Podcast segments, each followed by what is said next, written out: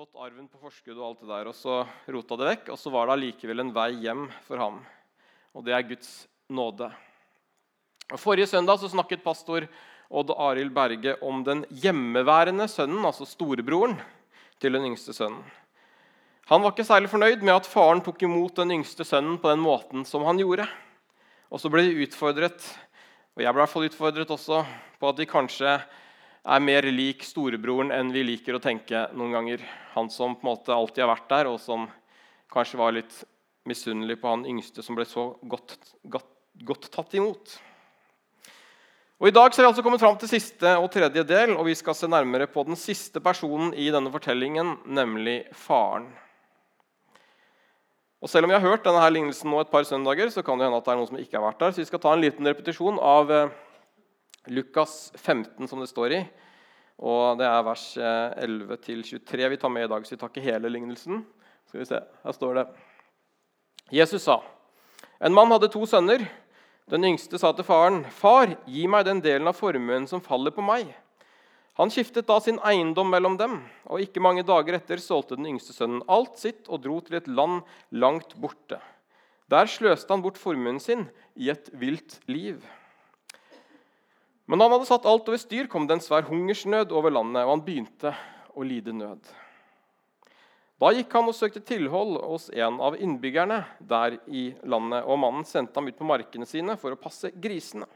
Han ønsket bare å få mette seg med de belgfruktene som grisene åt, og ingen ga ham noe. Da kom han til seg selv og sa, 'Hvor mange leiekarer hjemme hos min far har ikke mat i overflod, mens jeg går her og sulter i hjel?' 'Jeg vil bryte opp og gå til min far og si:" 'Far, jeg har syndet mot himmelen og mot deg.' 'Jeg fortjener ikke lenger å være sønnen din.' 'Men la meg få være som en av leiekarene dine.' Og Dermed brøt han opp og dro hjem til faren. Da han ennå var langt borte, fikk faren se ham, og han fikk inderlig medfølelse med ham. Han løp sønnen i møte, kastet seg om halsen på ham og kysset ham. Og sønnen sa, 'Far, jeg har syndet mot himmelen og mot deg.' 'Jeg fortjener ikke lenger å være sønnen din.' Men faren sa til tjenerne sine.: Skynd dere. Finn frem de fineste klærne. Ta dem på ham. Gi ham ring på fingeren og sko på føttene. Og hent gjøkalven og slakt den, så vil vi spise og holde fest. For denne sønnen min var død og er blitt levende. Han var kommet bort og er funnet igjen. Og så begynte festen og gleden. Den yngste sønnen han ville leve livet. Forskning viser at om man har to brødre, så vil ofte den eldste sønnen være den litt mer ansvarsbevisste og kanskje litt mer lojale mot familien, mens den yngste sønnen kanskje vil være litt mer rebelsk. Og Det kan jo ha en naturlig sammenheng med at den eldste jo vil føle ansvar for en lillebror, og kanskje få litt sånn 'jeg får lov til å hjelpe til'-følelse, ansvarsfølelse, mens en lillebror kan kjenne på litt mindre ansvar om han ikke har yngre søsken selv. Og så er det ikke noe fasit, selvfølgelig, for folk er forskjellige, men ofte så er det litt sånn at den eldste blir liksom den ansvarlige, og den yngste kan være litt mer i opprør, kanskje. Og her i denne historien så er det sånn at det er den yngste som er i opprør. Han velger å forlate familien og reise ut på eventyr og ber på en måte om å få arven på forskudd før faren er død, noe som er ganske frekt. Så skal jeg ikke bruke veldig mye tid på hvordan det gikk med han, for det hørte vi for to søndager siden. og du kan høre det på opptak på, på nettet. Men som jeg sa også på to søndager siden, så brukte han da opp pengene sine på piker, vin og sang. Antar jeg. Jeg er ikke helt sikker på det der med sangen. Men pengene og gleden tok i hvert fall slutt til slutt. Det ble på en måte en kortvarig nytelse, og så begynner han å angre. Og, og som jeg også sa da, vi gjør alle ting som vi angrer på i livet. Og så er ikke det spørsmålet om vi gjør ting vi angrer på, men spørsmålet er hva gjør vi etterpå. Og denne sønnen her, den yngste sønnen, han gjorde det rette før han valgte å gå hjem. Og så står det altså at ennå når han var langt borte, så fikk faren se ham. Og han fikk inderlig medfølelse med ham. Løp sønnen i møte, kastet seg om halsen på ham og kysset ham. Og Fedre på den tiden, spesielt da gårdseiere sånn som han her, de løp ikke. Men denne faren gjorde det. Og selv om, sønnen sto der i hullete, skitne klær og antagelig lukta gris og møkk, så brydde ikke faren seg om det. Han klemte han, kysset han, og det var ekte farskjærlighet. En far som elsket sin sønn uansett hva han hadde gjort, og uansett om han hadde vært dum og tatt noen dårlige valg. Og Så nøyde han ikke bare med å gi klemmen, sønnen en klem og kysse han, men han sa, sa til tjenerne, som vi leste i stad, skynd dere, finn fram de fineste klærne, ta dem på ham, gi ham ring på fingeren og sko på føttene. Hent gjøkalven, slakt den, og så ble det fest. Og det er på en måte at han ber om klær, ring og sko. Det viser at faren reinnsetter sønnen som sønn. Han skal ikke være en tjener, som han kanskje hadde håpet på i beste fall å kunne bli. Men han skulle få lov til igjen å være sønn. De fillete klærne skulle av, og de fineste klærne skulle på. Han skulle få sko på føttene. Og På den tiden var det vanlig at Tjenerne de gikk barføtt. De brukte ikke sandaler eller sko. Mens at sønnen fikk sko på bena, det var et tydelig symbol på at du skal ikke være tjener. Du skal være sønn. Og Så får han en ring på, på fingeren, og det var ikke noe giftering. For han var ikke gift da, tror jeg. Men vanligvis så hadde man en familiering på den tiden som viste tilhørighet. Ofte kanskje med familiens seil på, så man kunne også bruke ringen faktisk til å til å betale med, på en måte. Datidens vips, nesten. På en måte. Men den viste den ringen at jeg er en del av familien. Jeg blir reinnsatt som sønnen. Jeg har en identitet. Så han får på en måte den samme statusen som han hadde før han dro. Faren viser at 'du er fortsatt min sønn'. Noen fedre ville nok sagt du har tatt dumme valg. Du er ikke velkommen hjem. Men denne faren her i historien han er ikke slik. Og den gode nyheten er at Dette er jo en lignelse som Jesus forteller.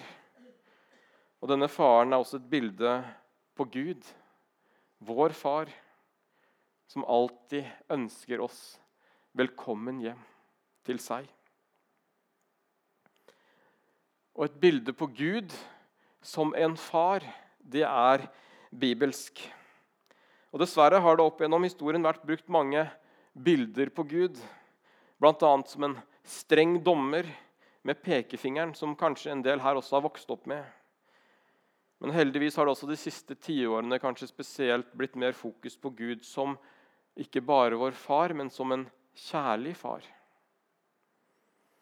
Blant annet Den nyeste bibeloversettelsen vi har fra 2011, den understreker poenget bl.a. i det at Fader vår ble omgjort til vår far. Så var det ikke alle som var like glade for det, men det var for å enda mer løfte opp dette farsperspektivet. Vår far i himmelen. Og Jesus var en som stadig viste hvor viktig farsrelasjonen var, også for han, i hans tjeneste på jorden. Vi skal ta med noen bibelvers fra Jesu munn om det her. I Johannes 1,18 så sier Jesus.: Ingen har noen gang sett Gud, men den enbårne som er Gud, og som er i Faderens favn, han har vist oss hvem han er. I Faderens favn. Jesus sa at han var i Faderens favn. Og Spørsmålet du kan tenke litt på i dag, er du i Faderens favn? Sitter du på fanget til Gud iblant, slik som Jesus gjorde? Har du Gud som far? Jesus var alltid hos sin far. Han var avhengig av sin far. Og først når jeg blir avhengig av Gud som min far, så kan jeg kanskje begynne å bli litt mer lik Jesus. Vi kan ikke bli lik Jesus ved å se på Jesus alene. For Jesus var avhengig av sin far i himmelen for å være den han var. Han sa det også at han var Han sa, 'Jeg er veien, sannheten og livet'. Ingen kommer til Faderen uten ved meg. Hadde dere kjent meg, da hadde dere også kjent min far. Fra nå av kjenner dere ham og har sett ham. Da sier Philip, 'Herre, vis oss Faderen', og det er nok for oss.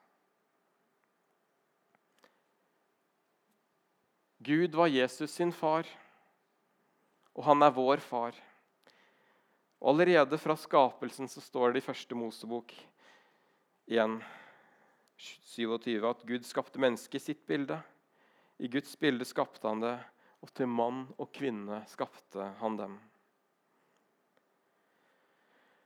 Det som skiller mennesket fra dyrene, det er at Gud har lagt noe av seg selv ned i mennesket. Vi er skapt i Guds bilde. Som et avbilde på Gud, står det i vers 26. Det betyr at alle mennesker har et potensial lagt ned i seg til å oppleve den levende kjærlighets- og farsrelasjonen til Gud som han hadde tiltenkt oss fra starten. Vi har alt potensial til å oppleve Guds farskjærlighet i våre liv fordi han har lagt noe av seg selv ned i hver enkelt og i våre hjerter. Og jeg er far selv til eh, to flotte døtre. Og så kan jeg se at en bit av meg lever i dem. En god bit av. Og så tenker jeg Tenk at Gud ser en bit av seg selv i deg og meg når han ser på oss. En god bit.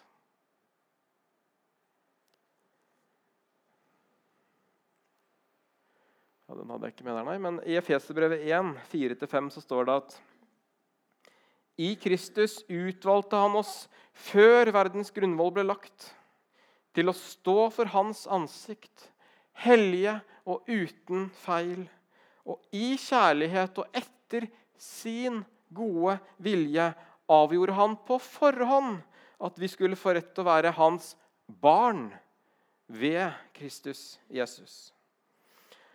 Allerede fra starten hadde han utvalgt oss. Og allerede fra starten så fikk vi en identitet som hans barn. Gud sa til Jesus, 'Du er min sønn, den elskete. I deg har jeg velbehag.' Når Jesus startet sin tjeneste, så ga Gud Jesus en identitet som hans sønn, hans barn. Og når du ble født, så fikk du også en identitet som Guds barn. Og Det er viktig at vi er klar over vår identitet om vi skal klare å forstå at Gud er vår far. Så Gud har gitt deg en tydelig identitet som barn av ham. Og så prøver kanskje verden å gi oss en falsk identitet. Som kanskje sier at du skal ikke tro du er noe. Du skal ikke tro du er verdt noe. Du må prestere for å bety noe. Men så er jo faktum at du er allerede noe. Du har allerede betydning, du har allerede verdi i det å være født som Guds barn. Så bare i hvem du er, så har du en identitet som ingen kan rokke ved. Og ikke engang du selv kan rokke ved det faktum at Gud er din far. Så er det ikke alltid at vi føler oss som barn av Gud. Det er ikke alltid vi har det bra, selv om vi er Guds barn. Vi er ikke lovet fullkommen lykke, selv om vi har en fullkommen Gud som elsker oss med en fullkommen kjærlighet. Vil si, vi er lovet fullkommen lykke, men ikke så lenge vi lever her på jorden. Og Som alle andre barn så kan vi gå imot vår fars vilje. Vi kan tråkke feil, vi kan gjøre opprør som den yngste sønnen. Vi kan bli lei oss. Og når ikke relasjonen til far er som den skal, så tror jeg at de vil kjenne det i våre liv. Kanskje ikke alltid like tydelig. Og Iblant så vet vi kanskje ikke helt hva det er, bare at det er noe som ikke er som det skal. Og Dessverre er det også mange mennesker som søker trøst i livet andre steder, og som prøver å fylle det tomrommet i livet som bare Guds kjærlighet kan fylle, på andre måter. Så Derfor ser vi mange som søker trøst gjennom Internett, gjennom sex, gjennom porno, gjennom trøstespising, gjennom rusmidler, gjennom shopping, musikk, film, altså you name it, hva som fins av ting som vi prøver å fylle det tomrommet med. Fordi vi ikke kjenner oss hele. Og Det er kanskje ting som vi egentlig ikke liker å bruke tid på engang, men vi bare gjør det for å kanskje fokusere vekk fra det som egentlig er problemet. Og kanskje fokusere vekk fra våre egne følelser og vårt eget hjerte.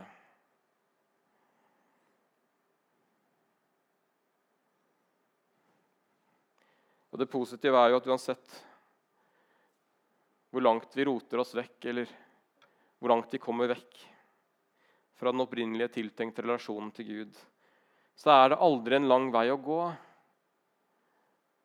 for gjenopprettelse. Og Gud ønsker å være den faren, far som trøster oss, og som reiser oss opp om vi faller. Så vi er født som Guds barn. Vi har en identitet som Guds barn. Vi er tiltenkt å ha en relasjon til en levende far i himmelen. Og så er det spesielt to ting og det er mange ting, men to ting som jeg har lyst til å trekke fram i dag, som kan hindre oss i den gode farsrelasjonen som Gud ønsker å ha til oss. Og Det første hinderet det er hvis vi har kanskje et ødelagt farsbilde i våre liv. For det er ikke kommet utenom at når vi snakker om Gud som far, så vil mange mennesker trekke paralleller til sin egen jordiske far. Fordi at det er den opplevelsen av en far du kanskje har i ditt liv.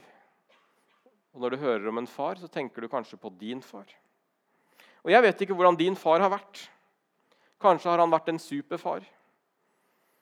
Men det er ingen mennesker som er perfekte, og alle menneskelige fedre gjør feil. Og det er ikke alle mennesker som får oppleve farskjærlighet fra sin jordiske far. Og det er også mennesker som ikke vet hvem sin jordiske far er. Og Det finnes så mange farsbilder der ute som kan skygge for Gud som en kjærlig far. Og Det kan være den prestasjonsorienterte far som kanskje har oppdratt deg til å føle at du må gjøre deg fortjent til å bli elsket. Du må prestere for å bli elsket, for å få kjærlighet. Eller så har du den passive far som kanskje aldri ga respons på noen ting. Som kanskje aldri var tydelig eller aldri sa det han mente. Du har den fraværende far, som kanskje aldri var til stede. Eller den autoritære far, som satte strenge krav, kanskje for strenge krav, eller var streng. For streng. Du har den misbrukende far, som gjorde ting en far aldri skal gjøre.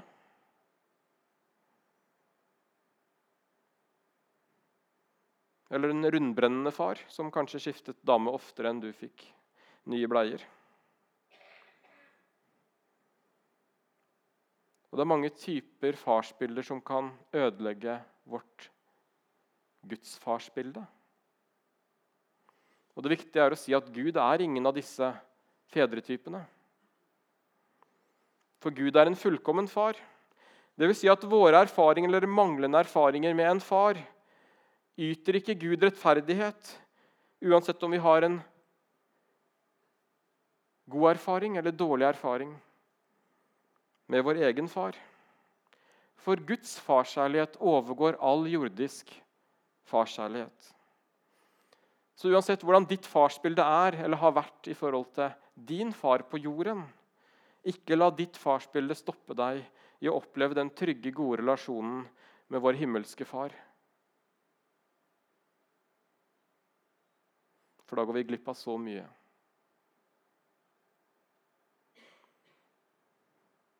Jeg vet at jeg aldri kommer til å bli en perfekt far for mine to døtre.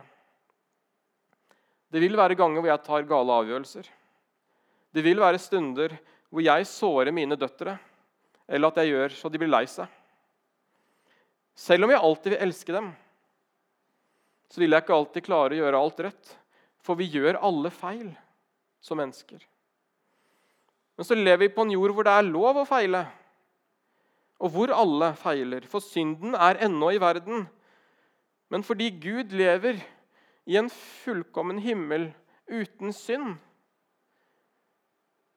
så kan han elske oss betingelsesløst og fullkomment.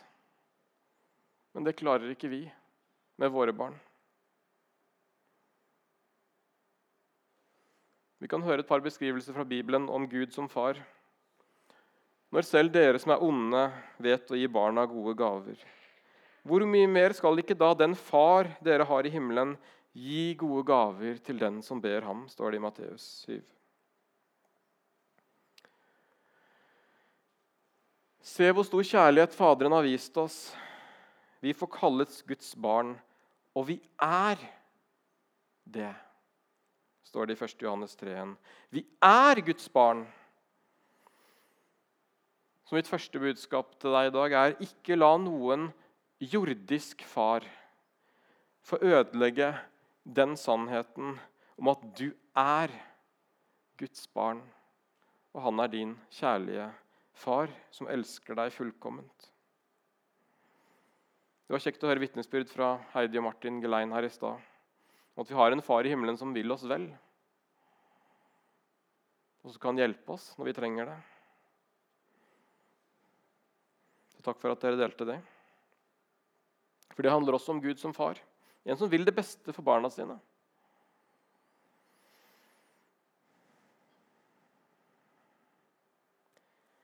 Skal eh, se på det andre punktet som kan hindre vår farsrelasjon til Gud. Men før vi går over på det, så må vi bare ta med en liten historie om en sønn og hans far. For eh, det var en gang en pastor som var ute og spaserte langs eh, landeveien. Da han plutselig ser en ung gutt som strever med å laste høyballer opp i en høyvogn. Det må jo ha vært oppe i Reddal eller noe sånt, tenker jeg, siden det var høyballer og høyvogner.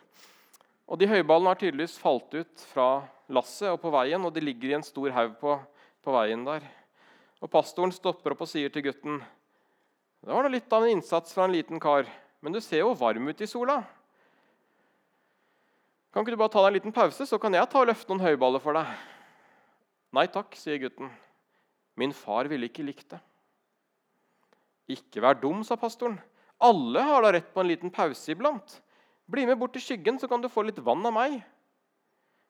Nei takk, sa gutten. Min far ville absolutt ikke likt det. Nå ble pastoren litt irritert og sier, 'Han faren din må jo være en skikkelig slavedriver.' 'Si meg hvor jeg finner ham, så skal jeg gå og si hva jeg syns om han.' 'Vel', sa gutten. 'Han ligger her på bakken under alle høyballene.'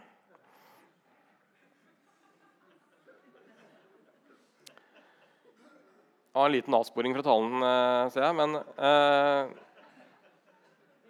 poenget er at det er viktig å ikke dømme før man kjenner hele historien. Her dømte han faren før han kjente historien. Og det passer egentlig ganske bra med neste punktet, som handler om en dømmende Gud.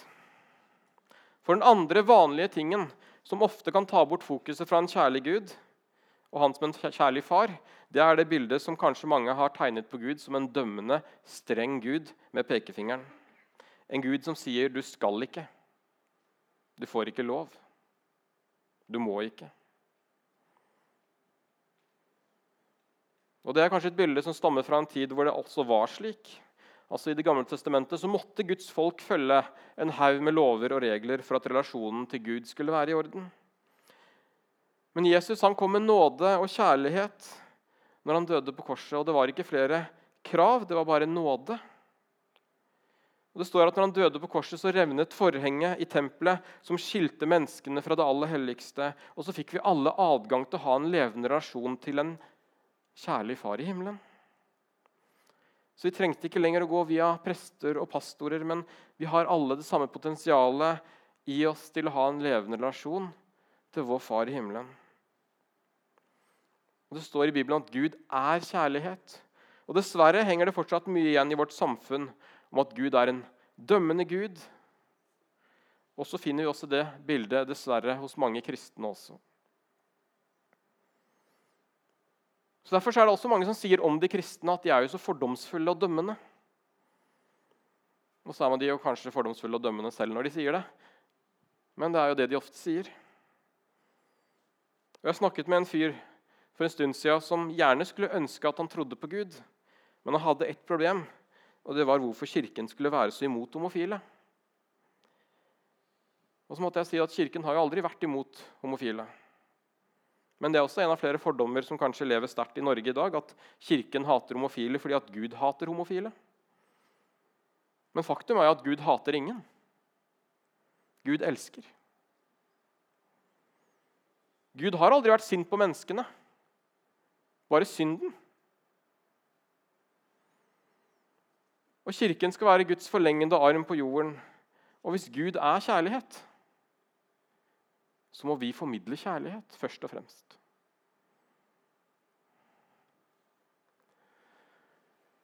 I 1. Johannes 4, 8-10 så sier, sier det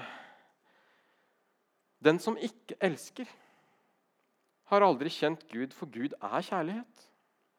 Og Guds kjærlighet ble åpenbart blant oss da han sendte sin enbårne sønn til verden for at vi skulle ha liv ved ham. Kjærligheten er ikke det at vi har elsket Gud, men at han har elsket oss og sendt sin sønn til soning for våre synder.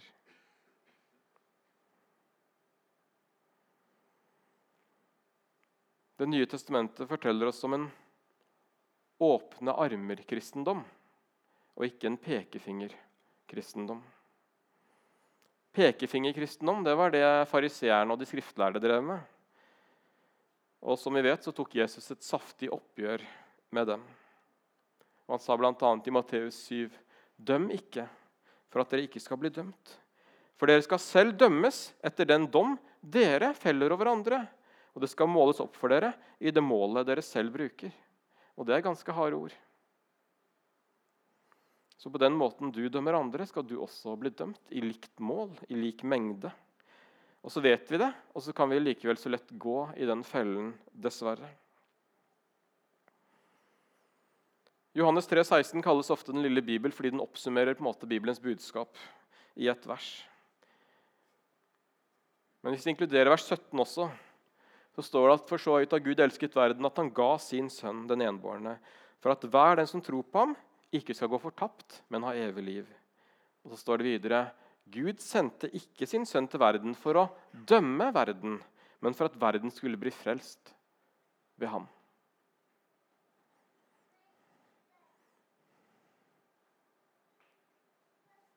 Vi skal uh, gå tilbake til der vi begynte nå mot slutten. For uh, når den bortkomne lillebroren kom hjem til faren, så ble han ikke dømt eller fordømt. Men han fikk lov til å møte kjærlighet. Fars kjærlighet.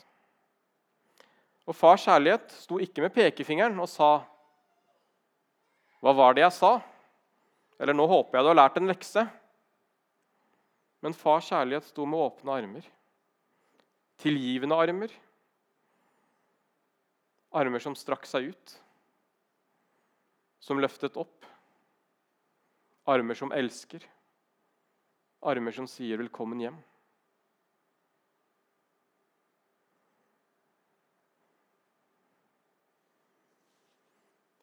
Uansett hva du har gjort i ditt liv,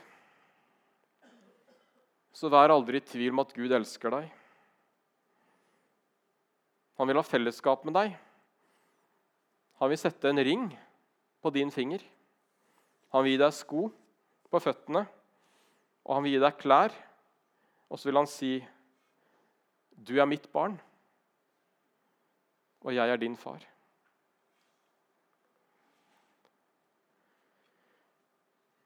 Gud er tålmodig. Han er den som trøster og hjelper oss i hverdagen. Og Når du møter utfordringer og problemer i ditt liv, så håper jeg du vil gå til din far. La han få lov til å lede deg i livet. Og det er det han ønsker. Jeg har med to stoler på scenen i dag, som et lite bilde. Fordi at eh, En far kan øvelseskjøre med sitt barn. Og Da kan han sitte på setet ved siden av. Og så kan han komme med veiledende og støttende ord fra sidesetet. Og på den måten så kan han lede barnet på veien. Og så er det noen av oss som bruker det bildet på Gud. At han er den som sitter her ved siden av oss, og som backer oss og kan vise oss veien og gi oss noen tips på veien. Og så er det også kanskje noen ganger at, vi, at det er vi som setter Gud i sidesetet. Og så tenker vi kanskje at vi har lyst til å kjøre bilen selv. Vi har lyst til å leve livet selv, vi har lyst til å bestemme selv. Så er kanskje Gud grei å ha med i bilen eller på laget, men det er vi som skal ha henda på rattet. Det er vi som skal sette retning. Og Da er det jo greit at han er med, men han kan sitte her ved siden av og komme med tipsene jeg trenger. det, Og så kan jeg få lov til å kjøre feil om jeg ønsker det.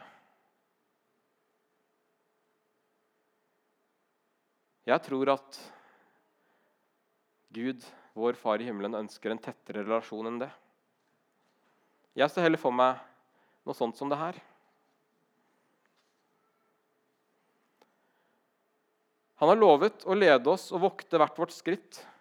Og jeg ser for meg heller Gud som den faren som styrer bilen sammen med oss. Som Guds barn så kan vi få lov til å sitte på fanget til Gud. Han er ikke bare den som gir oss tilrop fra sidelinjen. Men han er med oss og leder oss sammen om vi lar han gjøre det. Jeg tror at Gud ønsker å ha deg på fanget. rett og slett. Han ønsker en tett relasjon. Er du der? Er du i Faderens favn? Lar du han sitte her? eller her i ditt liv?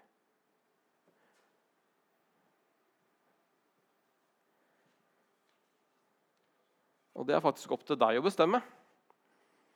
For Gud står alltid der uansett, med åpne armer og sier 'velkommen hjem' til meg.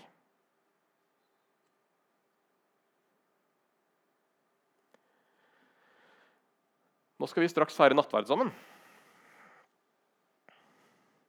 Og Nattverden er et sted for å bygge på den relasjonen du har med din far. Uansett hvor du er på veien. Vi har hatt en taleserie over tre søndager nå. og Kanskje du identifiserte deg en del med den yngste sønnen. Han som har rota det til, og som kan få lov til å komme hjem til en kjærlig far med åpne armer. Kanskje du kjente deg igjen i bildet om den bortkomne storebroren. Som alltid hadde vært der og alltid hadde gjort ting rett, og, og som ble ganske irritert når faren tok imot sønnen med kjærlighet. Eller kanskje det er ting du må jobbe med i ditt liv i forhold til Gud som en kjærlig far. Kanskje er det noe du må ta et oppgjør med. Kanskje er det noen du må ta et oppgjør med.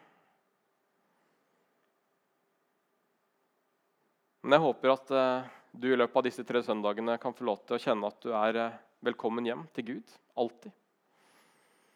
Og at han kan få lov til å være din far denne høsten og at du kan få lov til å sitte på fanget.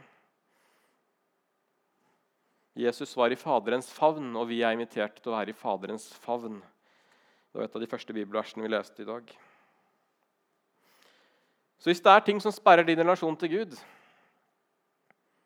eller hvis det er ting som du ønsker å ha kontroll over selv, som du har problemer med å legge på Gud, eller om det er vanskelig på en måte å la Han få lov til å lede, så er det noen ting du kan få lov til å tenke litt på nå, når vi skal få lov til å høre en eh, sang av Lena Moholt og før vi skal feire nattverd sammen. Så da kan du få lov til å lytte og være litt i bønn til Gud om hva han ønsker å si til deg i dag.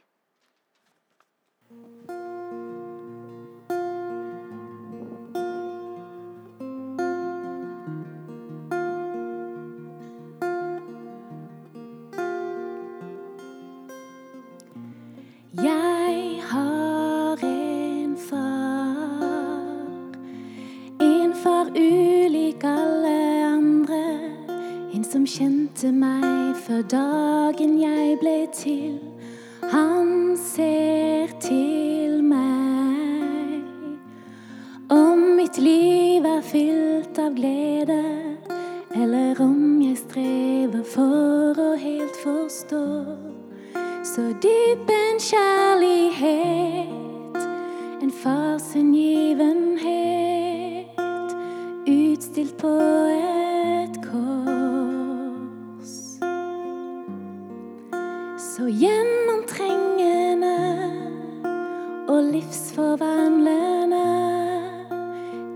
Din omsorg